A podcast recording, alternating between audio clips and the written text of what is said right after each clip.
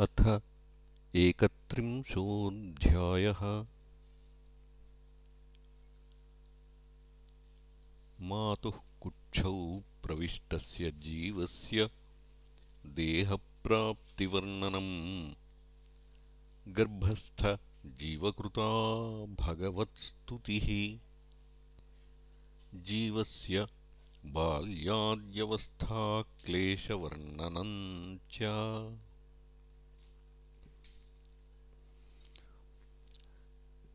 श्रीभगवानुवाच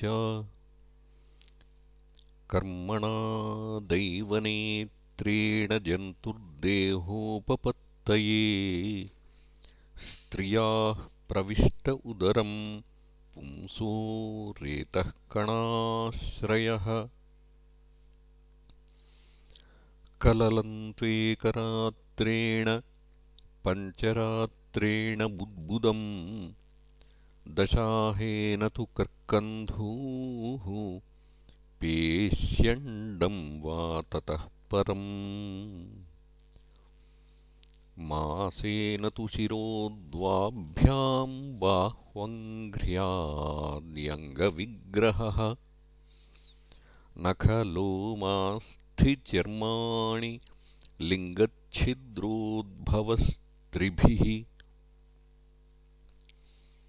चतुर्भिर्धातवः सप्तपञ्चभिः क्षुत्रुडुद्भवः षड्भिर्जरायुणावीतः कुक्षौ भ्राम्यति दक्षिणे।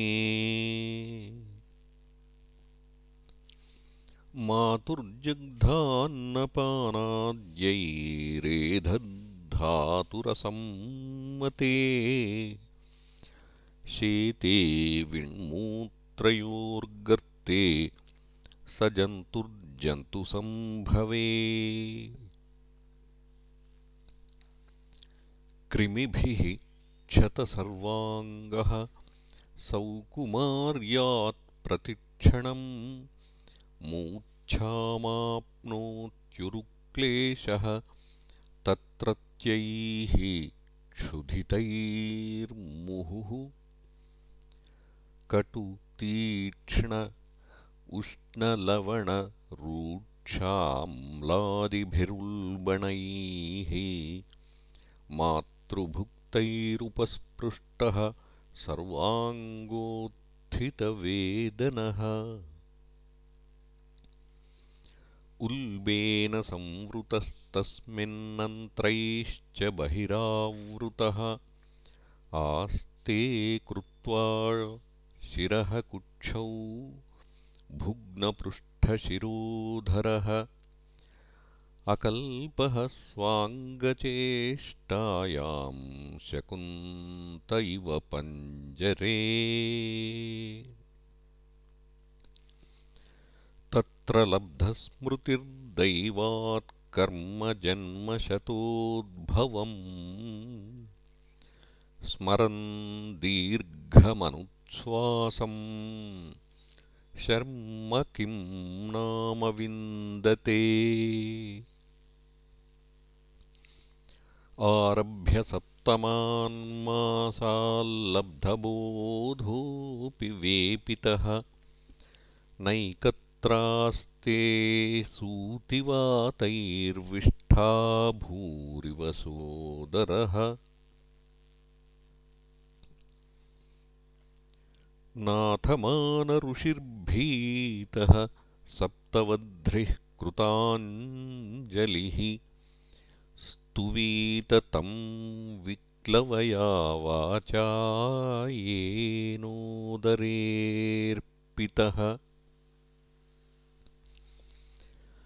जन्तुर्वाच तस्योपसन्नमवितुम् जगदिच्छयात् तनानातनोर्भुवि चलच्चरणारविन्दम्। सोऽहं व्रजामि शरणं ह्यकुतो भयं मे। येनेदृशी गतिरदर्ह्यसतोऽनुरूपा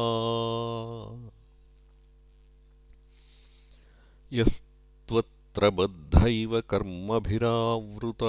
कर्मभिरावृतात्मा भूतेन्द्रियाशयमयीमवलम्ब्य मायाम्। आस्ते विशुद्धमविकारमखण्डबोधम्। आतप्यमानहृदये वसितं नमामि। यः पञ्चभूतरचिते रहितः शरीरे छन्नो यथेन्द्रियगुणार्थचिदात्मकोऽहम्। तेनाविकुण्ठमहिमानमृषिं तमेनम् वन्दे परम् प्रकृतिपूरुषयोः पुमांसम् यन्माययोरुगुणकर्मनिबन्धनेऽस्मिन् सांसारिके पथि चरंस्तदभिश्रमेण नष्टस्मृतिः पुनरयम् प्रवृणीतलोकम् युक्त्या कया महदनुग्रहमन्तरेण ज्ञानं यदेतत् अदधात्कतमः स देवः त्रैकालिकं स्थिरचरेष्वनुवर्तितांशः तं जीवकर्मपदवीमनुवर्तमानाः। तापत्रयोपशमनाय वयं भजेम देह्यन्यदेहविवरे जठराग्निना सृग्विण्मूत्रकूपपतितो भृशतप्तदेहः इच्छन्नितो विवसितुं गणयन् स्वमासान् निर्वास्यते कृपणधीर्भगवन् कदा नु येनेदृशीं गतिमसौ दशमास्य ईश। सङ्ग्राहितः पुरुदयेन भवादृशेन। स्वेनैव तुष्यतु कृतेन स दीननाथः को नाम तत्प्रतिविनाञ्जलिमस्य कुर्यातु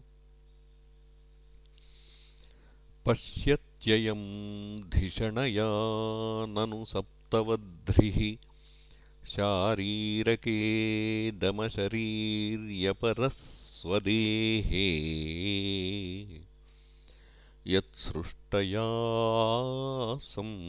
तमहं पुरुषं पुराणम् पश्ये बहिर्हृदि च चैत्यमिव प्रतीतम्। सोऽहं वसन्नपि विभो बहुदुःखवासम्। गर्भान्न निर्जिगमिषे बहिरन्धकूपे। यत्रोपयातमुपसर्पति देवमाया मिथ्यामतिर्यदनुसंसृतिचक्रमेतत्। तस्मादहं विगतविक्लब उद्धरिष्ये आत्मानमाशु तमसः सुहृदात्मनैव। भूयो यथा व्यसनमेतदनेकरन्ध्रम् मा मे भविष्यदुपसादितविष्णुपादः। कपिल उवाच एवं कृतमतिर्गर्भे दशमास्यः स्तुवन् ऋषिः। सद्यः क्षिपत्यवाचीनं प्रसूत्यै सूतिमारुतः। तेनावसृष्टः सहसा कृत्वा वाच्छिर आतुरः। विनिष्क्रामति कृच्छ्रेण निरुच्छ्वासो हतस्मृतिः। पतितो भुव्यसृङ्मूत्रे विष्ठाभूरिव चेष्टते रोरूयति गते ज्ञाने विपरीतां मतिं गतः। परच्छन्दं न विदुषा पुष्यमाणो जनेन सह। अनभिप्रेतमापन्नः प्रत्याख्यातुमनीश्वरः शायितोऽशुचिपर्यङ्के जन्तुः स्वेदजदूषिते। नेशः कण्डूयनेऽङ्गानामासनोत्थानचेष्टने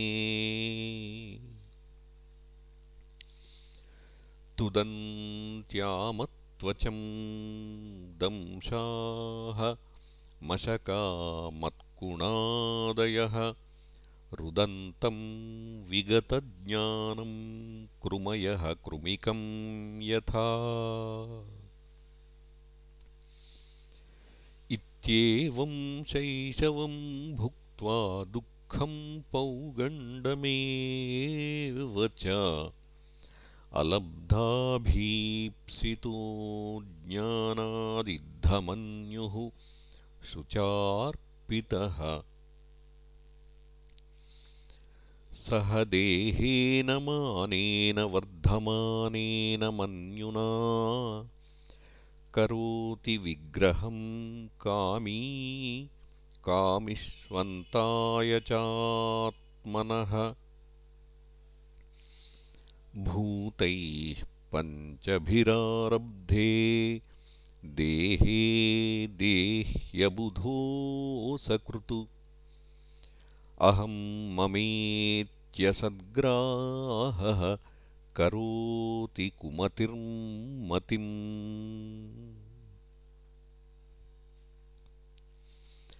तदर्थं कुरुते कर्म यद्बद्धो याति संसृतिम् योऽनुयाति ददत्क्लेशमविद्याकर्मबन्धनः।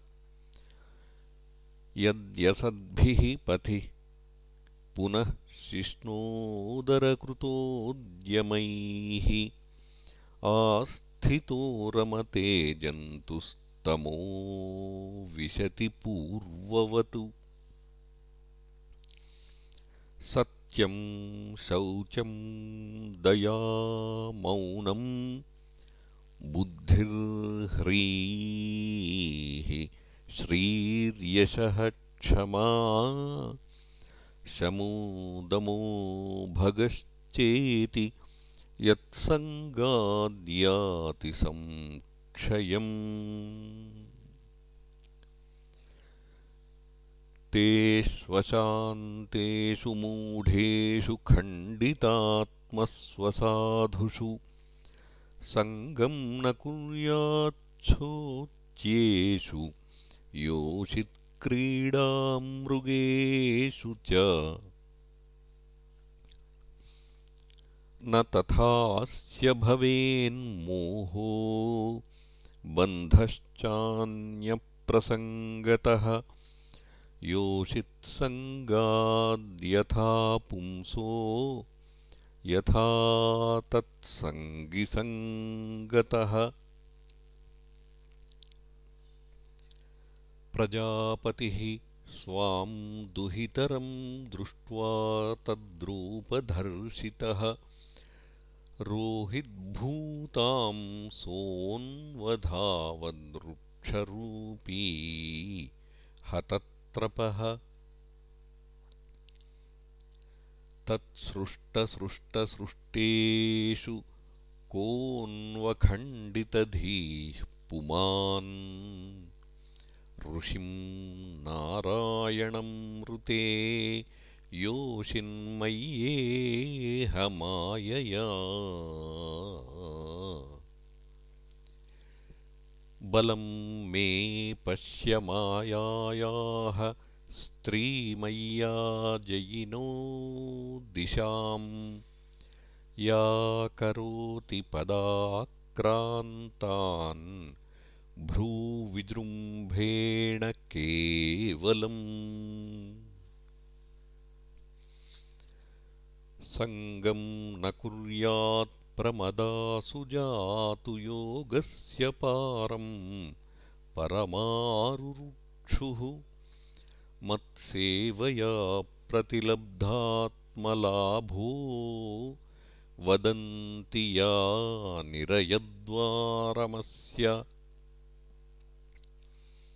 योपयाति शनैर्मायायोषिद्देव विनिर्मिता। तामीक्षेतात्मनो मृत्युम् तृणैः कूपमिवावृतम्? यां मन्यते पतिं वृषभायतीम्।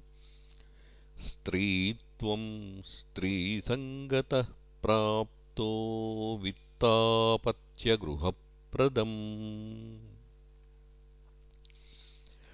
तामात्मनो विजानीयात् पत्यपत्यगृहात्मकम् दैवोपसादितं मृत्युम् मृगयोर्गायनं यथा। देहेन जीवभूतेन लोकाल्लोकमनुव्रजन् भुञ्जान एव कर्माणि करोत्यविरतं पुमान्। जीवो ह्यस्यानुगो देहो भूतेन्द्रियमनोमयः तन्निरोधोऽस्य मरणमाविर्भावस्तु सम्भवः द्रव्योपलब्धिस्थानस्य द्रव्येच्छायोग्यता यदा तत्पञ्च त्वमहं मानादुत्पत्तिर्द्रव्यदर्शनम्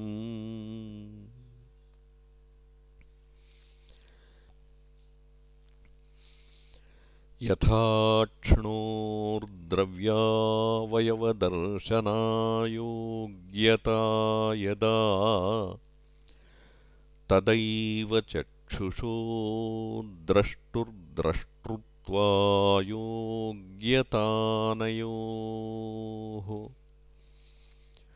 तस्मान्न कार्यः सन्त्रासो न कार्पण्यं न सम्भ्रमः। बुद्ध्वा जीवगतिं धीरो मुक्तसङ्गश्चरेदिह। सम्यग्दर्शनया बुद्ध्या योगवैराग्ययुक्तया। मायाविरचिते लोके चरेन्यस्य कळेबरम् इति श्रीमद्भागवते महापुराणे पारमहंस्यां संहितायां तृतीयस्कन्धे एकत्रिंशोऽध्यायः